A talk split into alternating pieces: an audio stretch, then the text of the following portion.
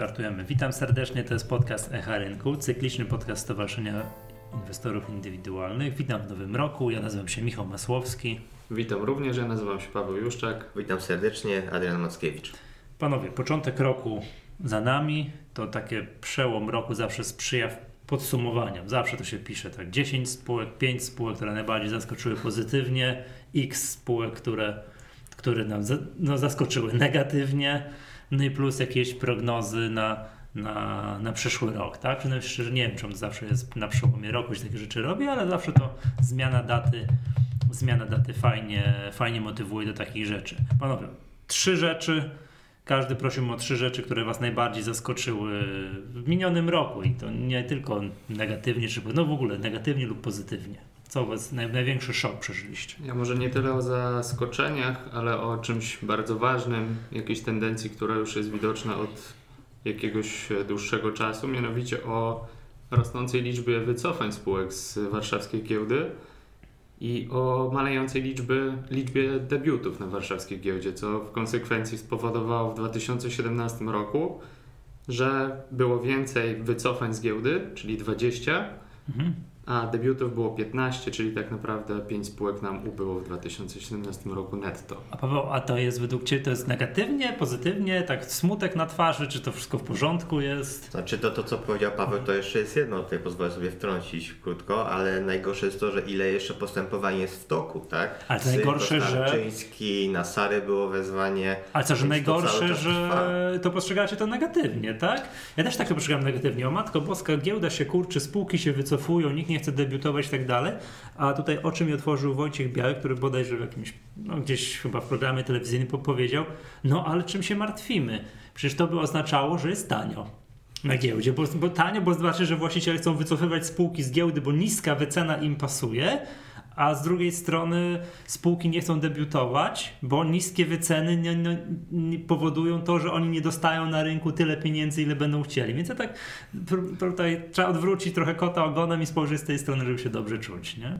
No, to może być tylko jedna z wielu przyczyn, bo tak naprawdę i debiuty można rozpatrywać pod różnymi względami, dlaczego spółki nie chcą debiutować, bo być może właśnie jest za tanio, bo być może ten rynek już nie cieszy się taką renomą, a, to jest druga sprawa. Rozmawiałem z kilkoma prezesami spółek giełdowych, którzy mówili mi, że w dzisiejszych czasach, gdyby przyszło im biznes rozwijać w tych obostrzeniach prawnych, ile co tam, gdzie trzeba spełnić, ile co się dostosować do Unii Europejskiej, to ich biznesy no, z dzisiejszego punktu widzenia już rozwinięte, ale i dosyć skomplikowane, mogłyby w ogóle nie powstać. No właśnie, po pierwsze obowiązuje MAR od niedawna, czyli zaostrzyły się przepisy i niektóre spółki boją się tych y, nowych zaostrzonych przepisów. Po drugie mamy wyraźny spadek prestiżu giełdy po tych wypowiedziach o kasynie, a e, teraz możemy jeszcze dodać MIFID 2, który ma ograniczać pokrycia analityczne, więc są też opinię, że jeśli chodzi o te mniejsze spółki, to już w ogóle może tam nie być pokrycia. Jak nie będzie pokrycia mniejszych spółek, no to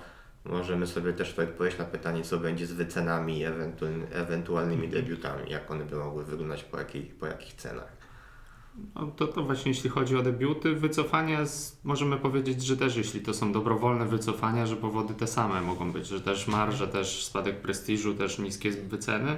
No ale pamiętajmy też, że wycofania to nie tylko z własnej woli spółki są wycofywane, ale też e, albo kiedy bankrutują i wtedy dzieje się to automatycznie po ogłoszeniu upadłości, albo kiedy na przykład Komisja Nadzoru Finansowego wyklucza taką spółkę, bo na przykład ona nie przestrzega przepisów obowiązujących na giełdzie i od niedawna a były takie spółki w 2017 roku? Bo to tak, to chyba, że jeżeli tak, to jakieś takie maluchy, których ja w ogóle nie kojarzę, że, że ich tam KNF nie wiem, czy nie, tak? czy nie cashflow czasami, ale musiałbym się upewnić, czy to było z powodu upadłości, czy właśnie z powodu tych naruszeń. Pamiętam, że w przypadku cashflowu tych naruszeń było na pewno sporo, więc tutaj tego kandydata bym szukał, niestety pewny nie jestem. W każdym razie od jakiegoś czasu Komisja Nadzoru Finansowego podejmuje takie decyzje i i to jest też jedna z tych przyczyn. A Petrol, Petrol Invest w którym roku został wycofany z giełdy? Znaczy, Petrol Invest nadal jest na giełdzie, bo tak naprawdę A. Komisja Nadzoru Finansowego podjęła decyzję o, wycof- o wykluczeniu Petrol Investu też znowu e, w taki sposób, ale Petrol Invest e, się chyba od, od tej decyzji odwołał i sprawa jest w toku, póki co e, Petrol Invest dalej na tej giełdzie sobie wisi. No okej, okay, dobrze.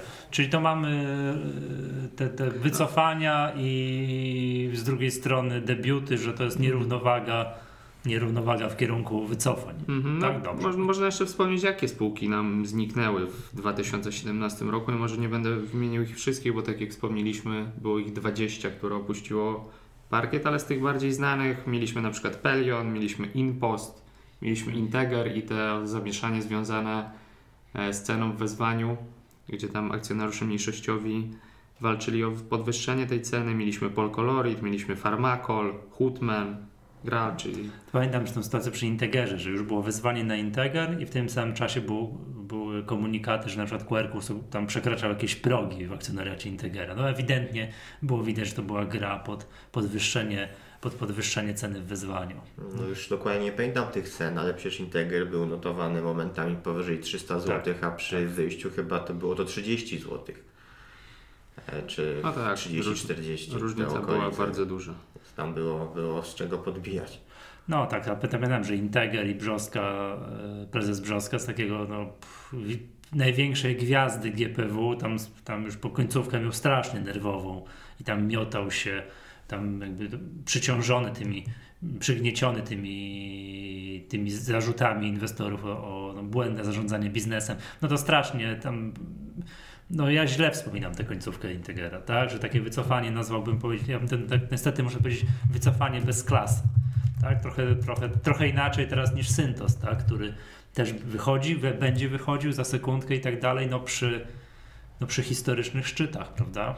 No, Syntos dał zarobić inwestorom w odróżnieniu, w odróżnieniu od Integera. Mhm. Dywidend też całkiem sporo wypłaci. Tak, to chyba, ja pamiętam do dzisiaj, E, Adrian, chyba Twój artykuł, nie pamiętam, przed dwóch albo trzech lat, gdzie szukaliśmy takich spółek, które gdyby kupić je na absolutnym dołku bez gdzieś tam na, w 2009 roku, to która spółka najszybciej mm, zwróciłaby się z, dy, z, samych dywidend? Ja byłem przekonany, że jest to KGHM, który można było kupić po 19, a on się zwrócił, a on tam w 2011 zapłacił 27 zł dywidendy, czy z samej dywidendy po trzech latach się zwrócił, a ty mi wtedy uświadomiłeś, że Syntos zwrócił się jeszcze szybciej i jeszcze bardziej spektakularnie. No ale wiadomo, to takich przykładów historycznie, historycznie można mnożyć. Dobra, czyli mamy te, te, te wycofania, de, a debiuty z kolei to ja pamiętam, no Dino jest takim najbardziej spektakularnym debiutem, bo to nie dość, że dał zarobić inwestorom na debiucie, to tamtej pory nic nie robi, tylko rośnie, praktycznie bez żadnej, bez żadnej solidniejszej korekty. No to akurat Dino jest zaskoczeniem, które ja chciałem e, przytoczyć jako w tym podcaście, no. bo to, co się dzieje na kursie Dino, naprawdę jest dla mnie dość dużym zaskoczeniem. Mhm. E, że no, teoretycznie po wysokiej e, cenie Dino zadebiutowało. Do, do, do tego pojawiła się jeszcze ta kwestia, że tam nie było nowej emisji akcji, tak naprawdę Dino nic nie pozyskało z tego debiutu. Mhm. Wszystko właściciel sprzedawał akcje. No też tam różne są teorie co do tego typu debiutów.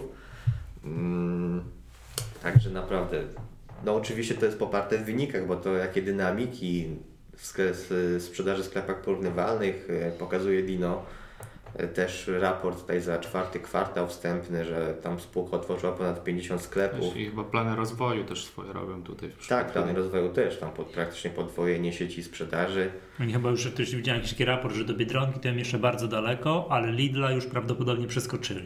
No, także to, to, to jest dla mnie, można powiedzieć, taki trochę szok, jak, jak ładnie się zachowuje to Dino i, i te dynamiki, które pokazuje z kwartału na kwartał. Bo to od debiutu naprawdę świetne wyniki. Mhm. Także też jestem ciekawy, jak e, na tej no, relatywnie wysokiej bazie sobie spółka poradzi w 2018 roku. Ale ile też spółka już jest warta, tak w, w cyferkach? To już jest, patrzę, patrzę, patrzę, 8 miliardów złotych. Szok. O, to bardzo A tak jakby porównać chociażby do Eurocashu, to tam mhm. często też można było spotkać takie porównania. No to Eurocash to teraz, nie wiem, 4 miliardy po tej przecenie? Nie wiem. Zdecydowanie teraz. słabiej się zachowuje i ma duże problemy z działalnością Eurocash. Eurocash niecałe 4. No właśnie, jest Dino, może powiedzieć dwa razy większe. Mhm. No a dobra, weźmy inne, e, inną spółkę, debi- też znanego debiutanta, który no, też pięknie zadebiutował, pięknie rósł, no a teraz ma problemy, czyli Getback. Akurat Getback aż tak pięknie nie zadebiutował, bo tam znacznie poniżej ceny maksymalnej, ale te pierwsze e, miesiące po debiucie, to naprawdę wystrzał był bardzo duży. No ja mam właśnie to zakodowane, że debiut poniżej 20, grubo poniżej 20 i tam wzrost do 28. Mhm. Tak, no i teraz- spadek znowu w okolicach ceny, ceny, Tak. ce, ceny debiutu. Tak, ale widziałem panowie, że kupiliście getback do portfela, portfela fundamentalnego. Tak, no może najpierw powiedzmy z czego się wzięły też te ostatnie spadki w y, ostatnich dniach czy tygodniach. Y, na pewno czytelnicy strony stowarzyszenia albo innych portalów finansowych mogli znaleźć informacje o aferze związanej z ujawnieniem e, danych PESEL przez jednego z y, byłych pracowników Getback i tutaj ta spółka przez niektórych y, uważana jest za zamieszana w tę aferę i na pewno jest jakieś ryzyko, że tutaj mogą nastąpić pewne konsekwencje, co się może odbić m.in. na wynikach finansowych spółki w kolejnych kwartałach. Natomiast naszym zdaniem, mimo wszystko, biorąc te ryzyka Pozbierają się. yy, i, i biorąc pod uwagę dynamikę poprawy wyników i perspektywy, przynajmniej określone przez zarząd spółki, to ta wycena naszym zdaniem e, wydawała się na tyle atrakcyjna, abyśmy te akcje kupili. Zresztą co potwierdzać mogą też wyceny analityków biur maklerskich, które gdzieś tam w pobliżu 30 zł są chyba. E, Tak jakby medianę wziąć, co, co daje potencjał do wzrostu naprawdę duży, to jest gdzieś około 50%, więc Też ostatnio widzieliśmy e, newsa na główek, tu, w którym analitycy prognozowali i Getback i LiveChat jako hity 2018 roku, więc pomimo tego wszystkiego, no przynajmniej analitycy wydają się dalej pozytywnie nastawieni do Getbacku, pomimo Mhm. tych ryzyk. Jeszcze jakieś debiuty Wam utkwiły? no play na pewno Bo duże. Bo Duży. duży, tak. Play bo duży. Bo duży, dokładnie. To też tak. Czy utkwiły? Chyba w tym roku debiutował Maxcom i, Tak, i w tym roku. co była sprawa związana z obniżeniem prognoz, to w tym roku, tak? A XTB? Tak. Na XTB to już jest starszy debiut, ale, Rok, ale, tak, to ale bomba wcześniej. na XTB to jest ten rok. tak. To znaczy ten tak naprawdę ubiegły, bo już mamy 18. A no tak, przepraszam. Tak naprawdę ubiegły 2017. rok. 2017. A XB chyba w 16 debiutował. W ogóle właśnie sprawdziłem, że to Dino, które właśnie przywołaliśmy, już jest niewiele mniejsze od Playa. To Play jest warte, znaczy raptem, no. 9 miliardów, 9 miliardów złotych. Wydawało mi się, że to jest jakiś, że to jest gigant. Okazuje się, że Dino po ostatnich wzrostach już się, już, już się, już się zbliżał. Właśnie patrząc też na te problemy, chociażby Eurocashu, to jestem ciekawy, jakie roszady w tym roku zobaczymy na indeksach. Czy e, właśnie kto opuści WIG20, kto wejdzie, bo myślę, no Dino, kto wie, czy nie Mhm. jest tutaj kandydatem. No dobra. Jakieś inne rzeczy z 2017, co co zapamiętaliście? Na rynkach finansowych to ciężko nie wspomnieć o kryptowalutach w 2017 Dziwię roku. się, że od tego nie zacząłeś. Tak, to ciężko w ogóle liczyć procenty. No nie wiem, 1500% wzrost bitcoina, tak? To tak, w jest, 2000, samym 2017 roku, tak? Bo, no, no od początku to tam... bo wiadomo, że od 2009 roku to jest praktycznie od zera do, do Tak. obecnie 15 tysięcy dolarów. No ale w samym 2017 roku mniej więcej od 1000 dolarów do, no to też mniej więcej chyba do 1500. Mhm. Czyli ogromna stopa zwrotu. Policzyłem sobie, gdyby była taka sama stopa zwrotu w 2018 roku, co w 2017, to na koniec 2017 roku cena bitcoina musiałaby wynieść 200 tysięcy dolarów, czyli.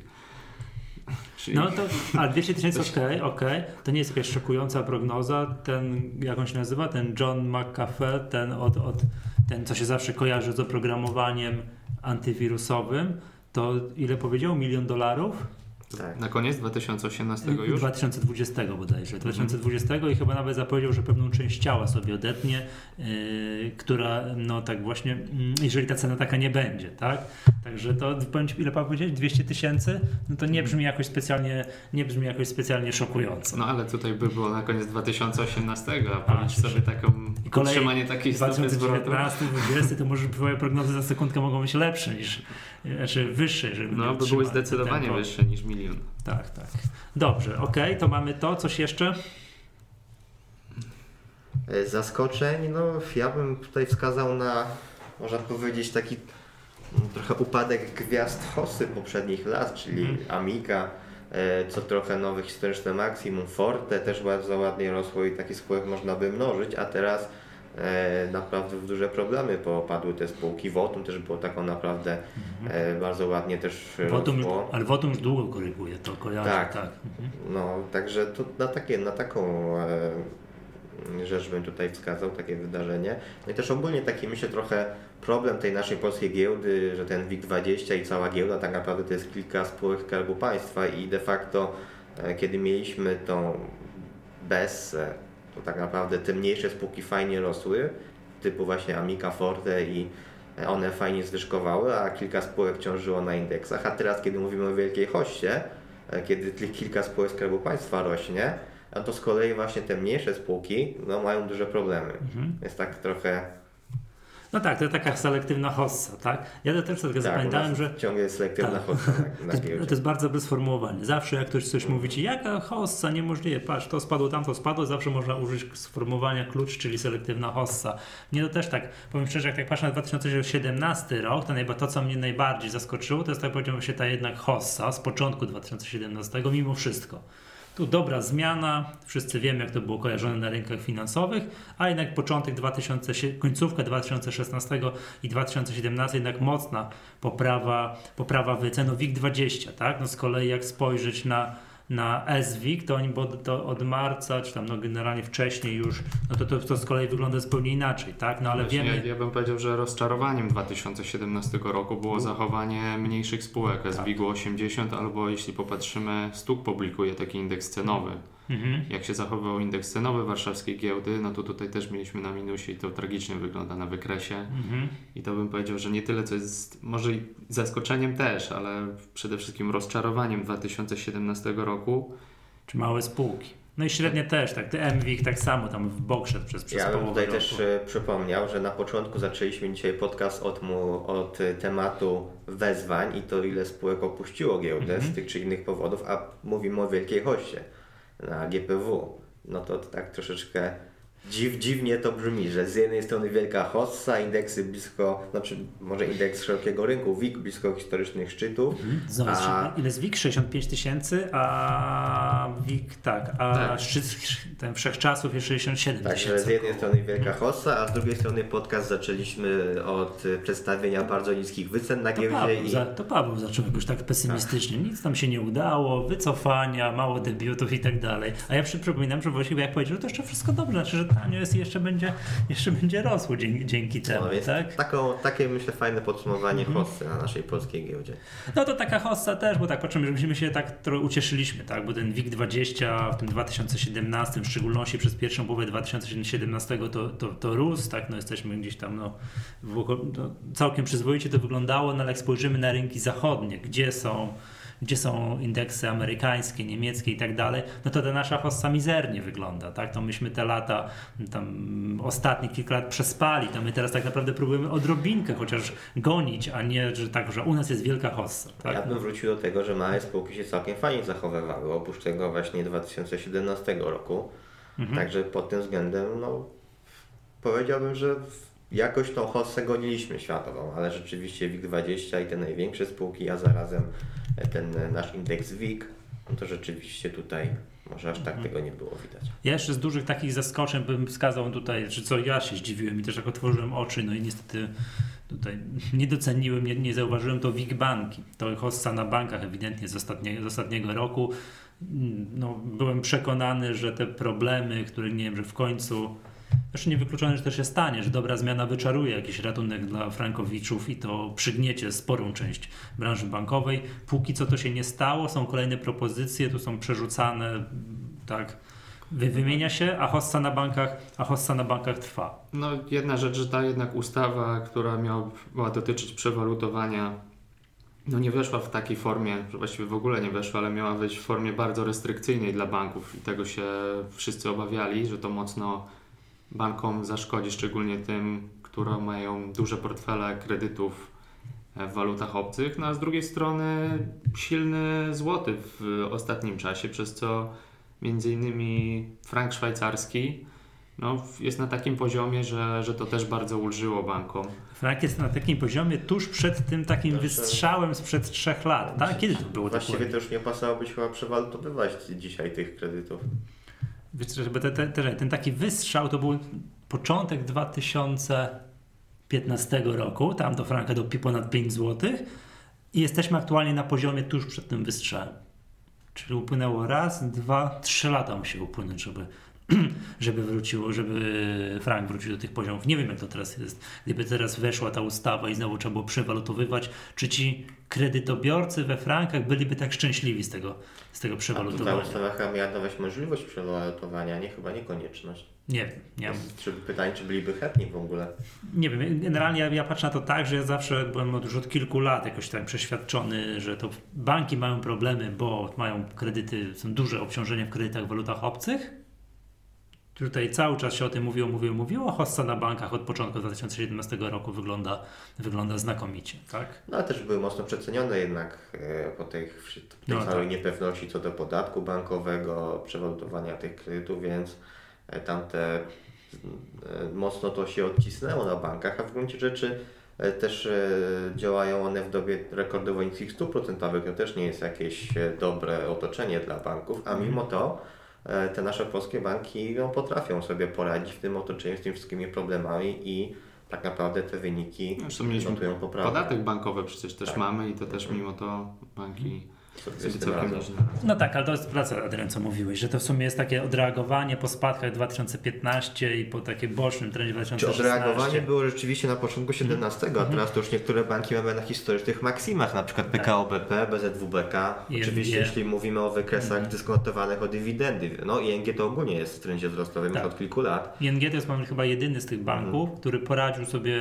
znakomicie z całą tą Besson 2015, Tak, 16 i tak dalej. To, to, Tam to, to wtedy ładnie wyjątkowo. sobie rósł kurs akcji Mhm. także naprawdę ten bank zasługuje na wyróżnienie. Dobrze, mam jeszcze jakieś zaskoczenie, czy mam tak, kryptowaluty, coś jeszcze, to, to przeszliśmy gładko do hossy na GPW, takiej selektywnej hossy na GPW i do hossy na bankach, coś jeszcze? Ja myślę, że z ważnych rzeczy, które jeszcze się działy w 2017 roku, to bezkrólewie na warszawskiej giełdzie, które trwało no, większą część 9 2000, miesięcy. 2017 roku i myślę, że to było takie wydarzenie, które stawiało naszą giełdę Które w nie najlepszym świetle miejsca. i na rynku rozwiniętym, za jaki teraz jest uważany powoli rynek polski giełdowy, to, Przy, to nie ktoś nas jakaś duża agencja ratingowa Tak. nas przekwalifikowała z emerging markets do developed, tak? Tak. Już nawet nie pamiętam jaka. No ale tak, to tak żarty żartami, nie mieliśmy prezesa praktycznie od początku 2017 roku, tylko tak tutaj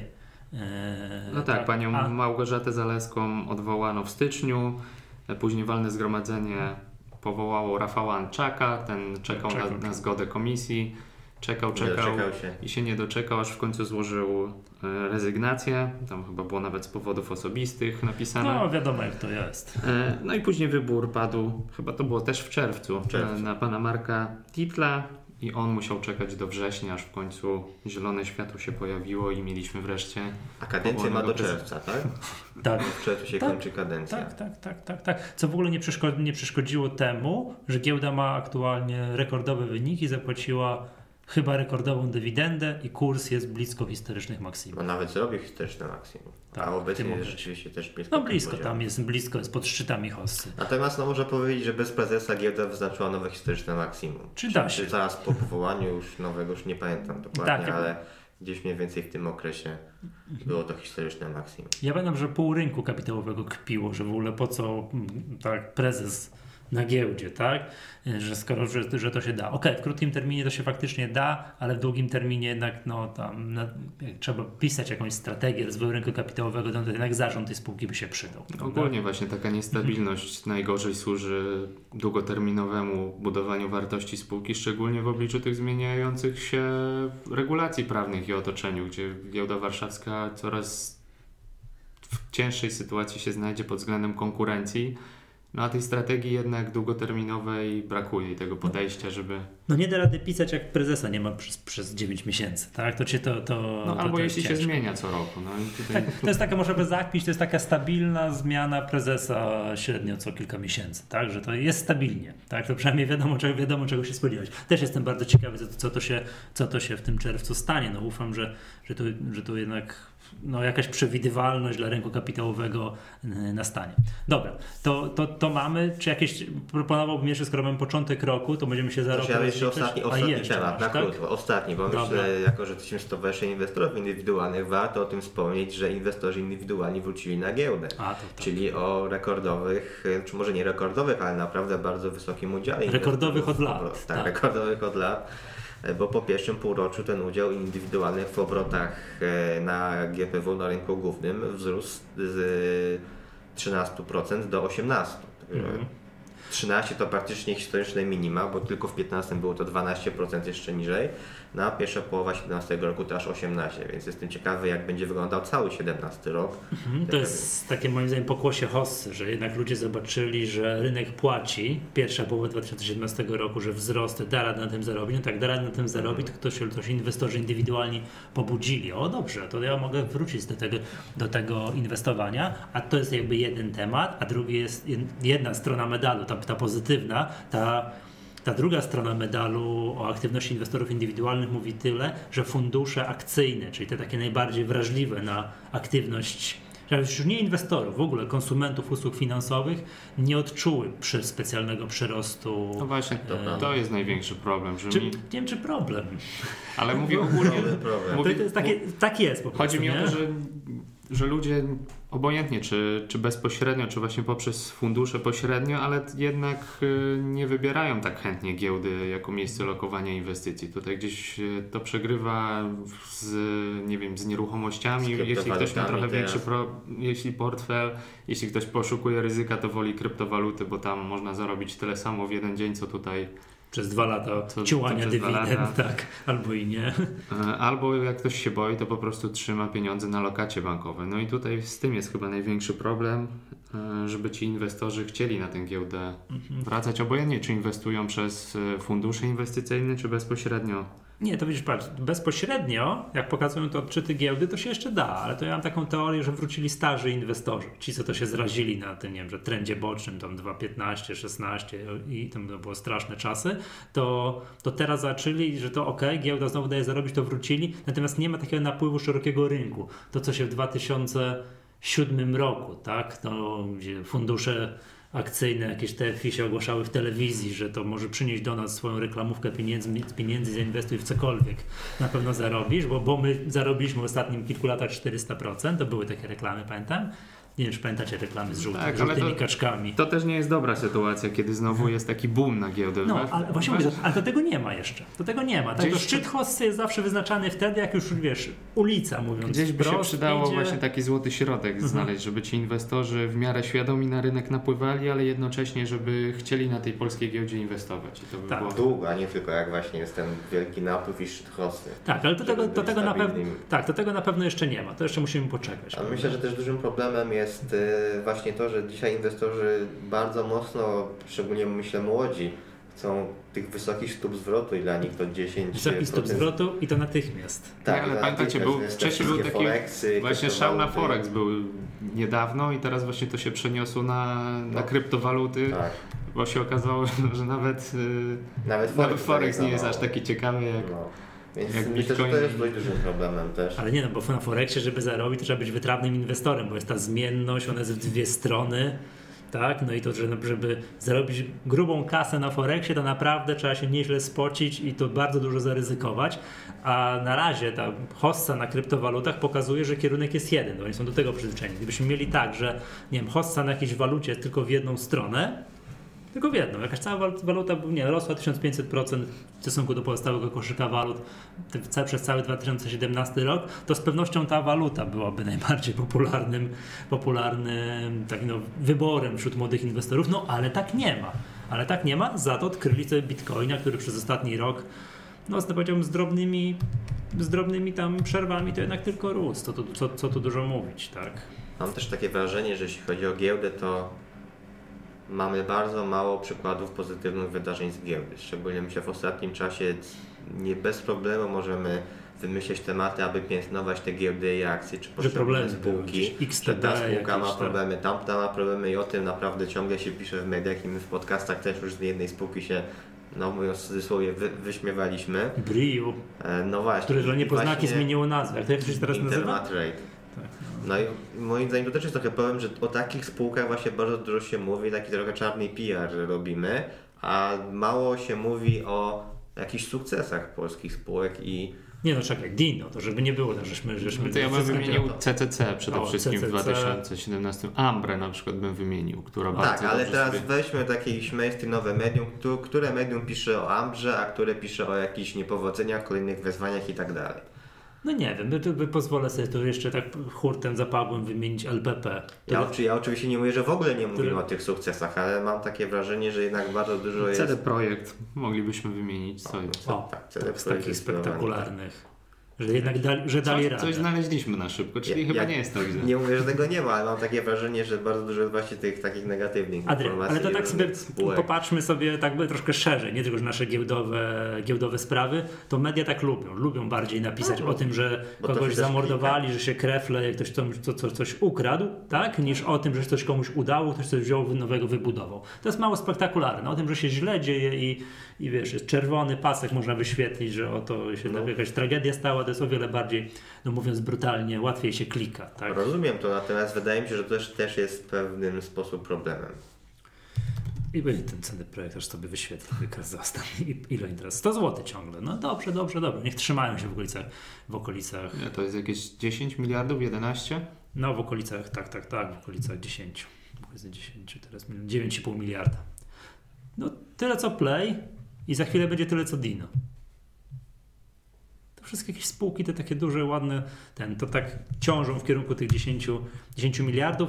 To, co mi się, jeszcze pamiętam z 2017 roku, to to, że Orlen przez chwilę był największą spółką na GPW, a teraz to się znowu zmieniło i, PKO. PKO BP wróciło, że, to, że, że PKO BP jest największą, największą spółką. Sprawdziłem tutaj CCC 12 miliardów, 12,5, a LPP, już nie pamiętam tych, tych cyferek. O, LPP 18, prawie 19 miliardów po ostatnich wzrostach. To mnie zaskoczyło bardzo, bo to Mhm. jakoś miałem tak zakodowane, że po tam, że po te beście, po tych szczytach sprzed trzech lat, że LPP to jest warte między 3 a 5 tysięcy. No i Mhm. tak nie ukrywam, nie uwierzyłem w tę spółkę, ostatnio patrzę 10 tysięcy, przeżyłem ciężko. No bardzo ładne dynamiki ma LPP, ale z drugiej strony wskaźnikowo ta wycena już jest bardzo wymagająca. Teraz ja też mam wrażenie, że LPP zawsze było drogie wskaźnikowo i to już jest taka cecha charaktery- charakterystyczna tej spółki. Chociaż rzeczywiście obecnie te wskaźniki są no, chyba blisko rekordów, jeśli chodzi o, o wycenę. Mhm. Dobrze, czy mamy coś jeszcze z 2017 roku? Czy możemy przejść do prognoz wróżenia tutaj ze, ze szklanej kuli? Bo ja tam, tam mogę powrócić o kryptowalutach. Jak to czekaj, zacytuję Mhm. Wojciecha Białka. Nie znam się, co w ogóle mi nie przeszkadza w tym, żeby się wypowiadać, tak? To chyba jak my, bo nie wiem, czy ktoś tak naprawdę zna się na kryptowalutach. Tutaj ciężko by było znaleźć osobę taką. No która w Która ogóle by rozumie blockchain z czystym tak naprawdę, sumieniem- tak? W pełni z czym się wiąże ten cały blockchain. Ale to jest to, co Paweł Szczepanik powiedział.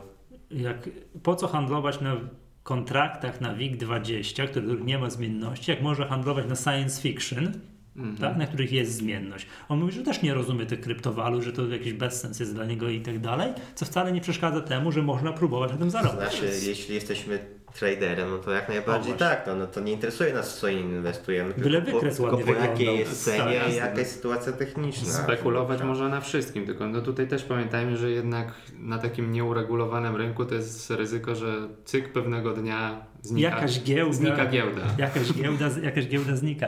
Tak, e, jak ja bym tutaj powrócić, widziałem jakąś prognozę, ktoś, jakiś analityk się powiedział, że on wróży przynajmniej 3 albo 4, już nie pamiętam dokładnie, 40% korekty na Bitcoinie, 40% spadki, co wcale nie przeszkadza temu, No to, żeby... to może być tydzień. Tak, ale co, co wcale nie przeszkadza temu, żeby wycena, czy wycena, kurs za rok był wyżej niż dzisiaj. No nie, to tam nawet Tak. nie jest jakaś bardzo duża przecena. Jak dzisiaj mamy No. 15 tysięcy, to ile to by było? 9, jakieś No. 9-10 tysięcy, więc No, to nie, nie, nie, nie, nie robi specjalnego wrażenia. Natomiast ja, jak miałbym powróżyć, to bym za, za, zawróżył 90% y, spadek kursu Bitcoina. Taki, że jednak rządy się wezmą tu, tu na tyle to, to obostrzą przepisy, wystąpią jakąś wojny z kryptowalutami, że ten, powiedziałbym, stara gospodarka, taka ta finansowa, czyli banki, rządy, tak, banki centralne, powiedzą na tyle dużą wojnę, że to stanie się nie wiem, wręcz miałbym wrażenie, że gdzieś nielegalne. Tak bym 90% spadek kursu Bitcoina bym gdzieś zawróżył. A że już na ten rok? Tak. właśnie trudno powiedzieć, w którym to roku nastąpi. No właśnie. Co, to są Tak. zasady chyba się zgadzamy, Też- no, ale czy już w tym roku? Też jako, mm, też nie uważam się za żadnego eksperta od Bitcoina, bo... Jak, napisałeś artykuł w scenariuszu o, o, Tak, ale- o bankach. Ale żeby z całą pewnością przewidzieć, yy, czy to ma jakąkolwiek wartość i Nie, bo czy warto, to, właśnie czy to ja, będzie istnieć dalej. ja to... się zawsze gryzę w język, jak mówię i wartość bitcoina, e, przepraszam, przepraszam, nie wartość bitcoina, tylko kurs bitcoina, tak, bo to, bo to są Ale ja, ja myślę, że niedługo powinno nastąpić jednak to przesilenie. Nawet patrząc e, po tym, jak szerokie grono inwestuje w te kryptowaluty, jak duży jest na to, tak w cudzysłowie mówiąc, szał, to myślę, że prędzej czy później taka panika musi nastąpić i, i nie wiem, czy to będzie w 2018 roku, ale Ja bym się zastanowił nad tym, ile to jeszcze inwestorów może napłynąć, no bo w cały praktycznie 17 rok wydaje mi się, że ci inwestorzy napływali na, e, bo tu usłyszeli o tym bitcoinie, w końcu się przekonali, zainwestowali, to ile jeszcze jest takich inwestorów, którzy słyszeli, ale jednak jeszcze się nie złapali, jeszcze nie zainwestowali. Wydaje mi się, że to grono jest już coraz mniejsze i znaczna część tych inwestorów, która słyszała o bitcoinie i zdecydowała nie zainwestować w to, no to wydaje mi się, że w 18 też w to nie zainwestują, więc wydaje mi się, że może być jakiś problem może po stronie popytu i właśnie z tych nowych inwestorów yy, jakaś realizacja zysków tam nastąpi. Dla mnie takim sygnałem ostrzegawczym, znaczy były dwa. Pierwszy to był taki, że w Polsce najpierw XTB wprowadziło e, CFD na Bitcoina i chyba TMS później też, a później gdzieś usłyszeliśmy, że jakieś, któraś giełda zagraniczne kontrakty, futures na, na Bitcoina e, wprowadzili, to tak myślałem, to też tak poczułem, o kurczę, dobrze, dobrze. A później drugi był przeciwny sygnał, że XTB wycofały się z tych, yy, z tych, z tych CFD, tłumacząc to, że nie są w stanie zabezpieczyć rynku spadkowego, jakby nie za bardzo, nie za, nie za bardzo jest jak, a i to jest jakby jedna, jedna sprawa. I jeszcze druga sprawa jest taka, ta wydajność systemu, tam nie może dochodzić do więcej niż iluś tam transakcji na minutę, do bardzo małej liczby transakcji na minutę, bo ten cały blockchain musi przeliczyć wszystko, to wszystko się musi rozpropagować, co powoduje to, że jak był ten spadek tam, nie wiem, kilka tygodni temu z tych tam 20 tysięcy, tam prawie 20 tysięcy dolarów na 15 tysięcy, że po kilkadziesiąt minut, po kilka godzin inwestorzy, w cudzysłowie, tak, inwestorzy w cudzysłowie nie, nie widzieli swoich transakcji na, na rachunkach, na, tych, na, na, tych giełdach, więc to no, nie jest rynek, którym po- no, jest w stanie udźwignąć masowe zainteresowanie, nie wiem, tak jak na przykład tak intensywny handel, no nie wiem, jak na przykład na eurodolarze.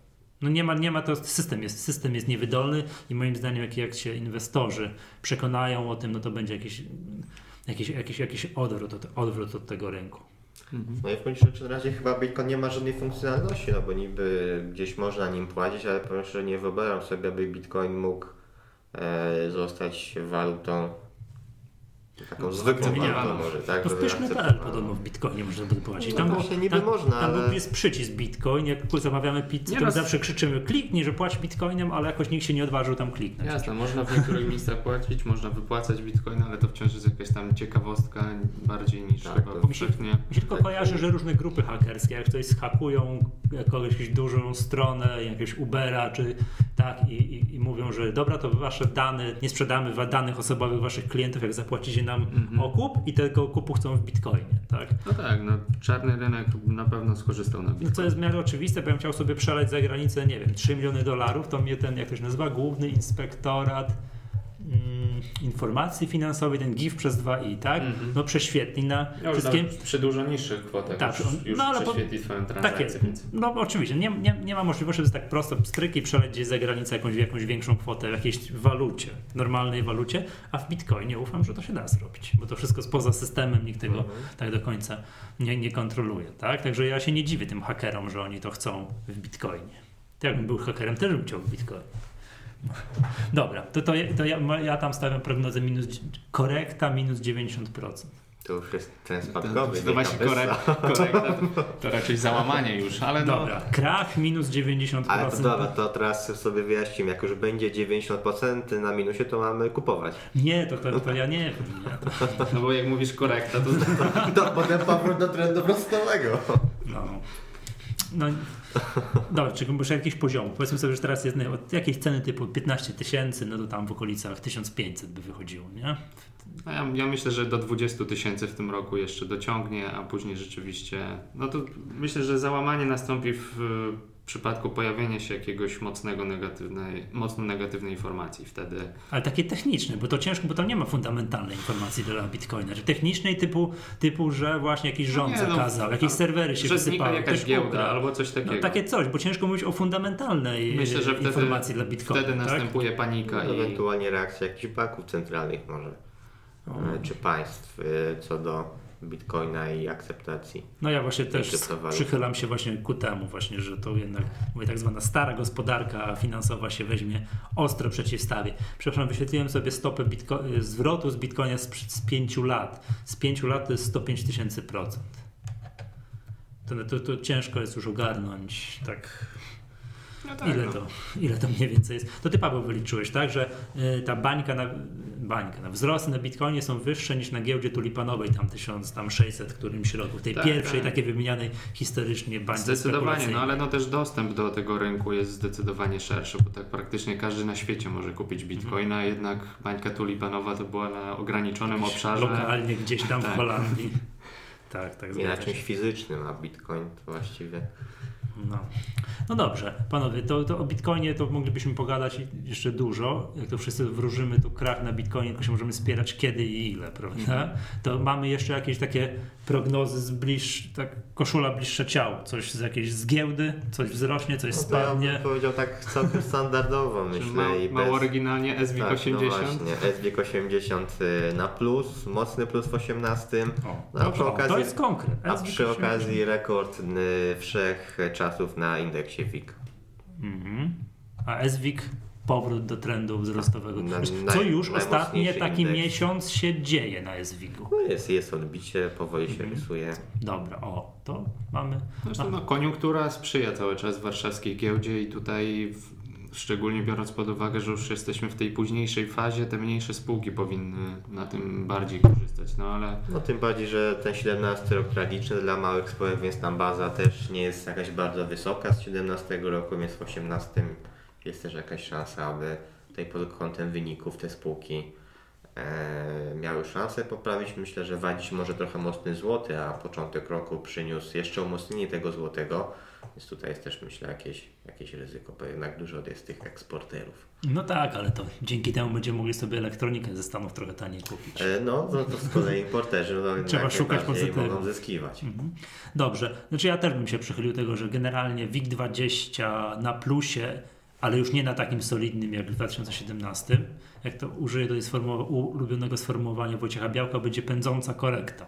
Czy będzie jakaś korekta, ale to taka be, bez przesady, prawda? Jakieś takie poważniejsze tam zawirowania, krachy, gdzieś tam 2019, 2019-2020, czyli gospodarka jeszcze trochę popędzi i indeksy to pomogą. Bardzo mi się podoba ta prognoza, bo to w sumie już niewiele trzeba do szczytów na WIG-u, na szerokim rynku, bo tam dywidendy pomagają. Tam nawet jak rynek idzie w bok, to jednak te spółki jakoś tam płacą dywidendy, to to też pomaga. Prawda? No i tyle, tak? I tyle, i tyle. I to, co bym chętnie przywitał, to powrót.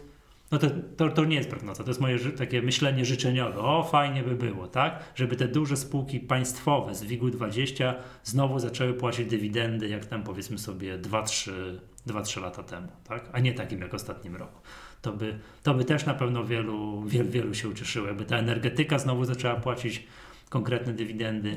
No bo też niestety jak popatrzymy takie długoterminowe mm, To chyba nie jest takie wcale niewykluczone, bo kopalni ratować póki co nie trzeba. Gdzieś tam repolonizacja powoli się. no to repolonizujemy banki. Już w energetyce nie ma co A, repolonizować, nie tak? mówię, już przeskoczyłem tak szy- szybko No. do innego sektora, czyli do banków, że też y, nie wiem, przynajmniej chyba nie szykuje się na razie jakaś Mhm. większa transakcja. No, jeżeli tak, jeżeli, bo ja powiem tak, gospodarczo, jeżeli gospodarka jeszcze chwilę będzie pędzić i nie trzeba będzie ratować budżetu, bo nie wiem, bo na 500 plus będzie brakować czy na inne pomysły, w związku z tym nie trzeba będzie drenować spółek publicznych, nie wiem, jakkolwiek, tak, podatkiem tchórzewskiego lub innymi tego typu wynalazkami, no to też to, to, to, to moim zdaniem ta hossa jeszcze chwilę może potrwać, no w szczególności tych solidnych, fajnych dywidend, bo to wiemy, że lubią inwestorzy, jak to PG płaciło 1,5 złotego dywidendy, dobrze kojarzę, czy, czy teraz jakoś tak, prawda? W odróżnieniu od tego, że teraz ostatnio w ogóle nie zapłaciło, no to no to, no to, no to by się przydało, co tu dużo mówić. A to, to jest życzeniowe, to nie jest, ten, to, to, to nie jest, tak jak, tak jak te korekty takiej solidnej bomby na Bitcoinie, to jest moja oficjalna prognoza, tak? E, rekord na WIG-u to To wiesz, też. że podpadniesz wielu No. osobom. Tak, tak, tak. To, to, tyle, to tyle te dywidendy z, z dużych spółek z WIG-20 to, no to chciałbym. Tak? Dla przykładu dzisiaj bardzo chętnie obejrzę, dzisiaj po południu to z kolei jest ogłoszenie nowej strategii PZU. PZU to akurat jest spółka, która pięknie się zachowywała w 2017 roku. Teraz No troszkę w, w Tak. ostatnim czasie spadło, ale i tak jest całkiem nieźle, bo jest około Tam chyba 45 z zł. historycznych minut na historyczne maksima wzrosła. tak, od końcówki 2016 do No są- połowy 2017 no to wzrost. Znaczy to idea. tutaj znowu biorąc pod uwagę chyba dochodowo. Dochodowo to maksimum jest gdzieś na 48 zł, a No. cenowo chyba troszkę wyżej. Nie, Tak, nie, jest, to ale jest na szczytach, jest na szczytach, bo to był, przedtem był 2014 był szczyt, potem była ta korekta 2016, było niżej w 2012 PZU. Było niżej, ale generalnie bardzo nisko i, i, i wzrost na szczyt, no taki maks historyczny 48 z hakiem. E, No tak, tylko że to jest już z uwzglę- uwzględnieniem tych dywidend, a tam no, Tak. e, e, PZU było chyba po 500 zł na to. Tak, tak No mi tak, się ale- właśnie ale- wydaje, ale- że, że ale cenowo to, Właśnie cenowo patrząc, to jednak patrząc trochę. dochodowo, to rzeczywiście to może nie są jeszcze, cenowo nie są to historyczne W każdym razie, tak jak mówisz, dochodowo to 48 zł. A tak, masz rację, że cenowo nie, Tak, ale tak. dochodowo tak, dochodowo... Ale są też, widziałem rekomendacje na 52 zł i wyniki PZU w ostatnim czasie całkiem niezłe, więc chyba jest szansa na, No mówię, na dzisiaj, poprawę tego w tym roku. dzisiaj, To dzisiaj, dzisiaj jest ogłoszenie tej, tej strategii, jestem bardzo ciekawy, co, co, co powiedzą. Dobrze, mam jeszcze jakieś prognozy na 2018 rok? Właśnie nie zastanawiamy się nad sektorami, nad, nad Ja tym, bym tak może nieco ryzykownie, szukając dołków, e, stwierdził, e, że wiele spółek, które właśnie miały bardzo ciężki ten 17 rok i te kursy bardzo mocno pospadały, tudzież kilku debiutant, debiutantów, którzy też niezbyt dobrze performowali e, po debiucie. To jest E, ulubione słowo prezesa tej spółki, nie zdradzając kogo chodzi. Także tutaj bym taką dał prognozę, że baza, baza jest niska i jest szansa na jakieś lepsze zachowanie i nie, szczególnie też może szło konkretnie o tych spółkach e, na kolejnych podcastach, może będziemy mówić więcej. Mhm. Dzisiaj już może tego nie, nie poruszajmy, jakie konkretne spółki, ale myślę, że jest właśnie szansa, aby, aby te dynamiczne, mocne trendy spadkowe, jak tam spółki po 50, 60, 70% spadały kursy akcji, to żeby ten 18 rok był już, był już lepszy. Czy, czy obserwacja, Adrianie tak zapytam tutaj enigmatycznie, czy obserwacja portfela C, tego fundamentalnego portfela pomoże poszukiwaniu tych nowych, fajnych typów, czy powiesz mi w kuchni na przy kawie? Powiedziałbym, że nie tyle nawet portfela, co naszego newsroomu Aha, jest- i ogólnie strony C. okej, dobra, no to drodzy inwestorzy, macie wskazówkę. Okej, Paweł, jakieś słowo kończące też chciałbyś jakoś tutaj enigmatycznie wskazać, nie mówiąc o co chodzi i tak dalej. No, konkretne spółki, na które stawiamy, to na pewno znajdziemy w portfelu Sino. Skoro je bierzemy do portfela, to znaczy, że w nie jakoś tam wierzymy. Mówiąc jeszcze tak bardziej ogólnie, ale też znowu mało oryginalnie, bo widziałem, że analitycy tutaj są w miarę zgodni, że w 2018 roku no, można stawiać chyba wciąż na banki, którym, które powinny nadal dobrze się zachowywać i tutaj jest dalej przestrzeń do wzrostów. E, Między innymi też oczekując podwyżki stóp procentowych w 2018 roku. Bank Rumunii widziałem podwyższył stopy procentowe, więc jest szansa, że Tak, no tutaj też mało oryginalnie w deweloperzy mieszkaniowi wciąż powinni mieć e, niezły rok, e, biorąc pod uwagę, że, że mimo, że Mhm. oczekiwane są podwyżki, to wciąż te stopy procentowe są nisko e, i ten popyt na mieszkania jest wysoki. Zresztą w, biorąc nawet pod uwagę nasz Wrocław, jak stawki za wynajem po, poszły w górę i, i jak to się coraz bardziej No, opłaca to, chyba też specyficzny. Znaczy, no tak jest chyba ogólnie w dużych miastach właśnie i tutaj wstawiając na te duże miasta deweloperzy całkiem niezły interes robią w ostatnim czasie. No i taka trzecia branża na 2018 rok, to ja bym powiedział, że chyba energetyka, biorąc pod uwagę ten niski poziom wycen i, i perspektywy rynku mocy, o, jest jakaś tam szansa na, Dobra, dobra, okej. Dobrze, to co, to wszystko na dzisiaj. Tak, to mamy, podsumowaliśmy, powróżyliśmy na, na, na przyszłość, będziemy się, będziemy dalej martwili się, patrzyli, co się dzieje dalej w kolejnych nagraniach. Okej, dziękuję bardzo, to był podcast Echa Rynku, nazywam się Michał Masłowski. Ja nazywam się Paweł Juszczak. Nie był z nami Adrian Mackiewicz.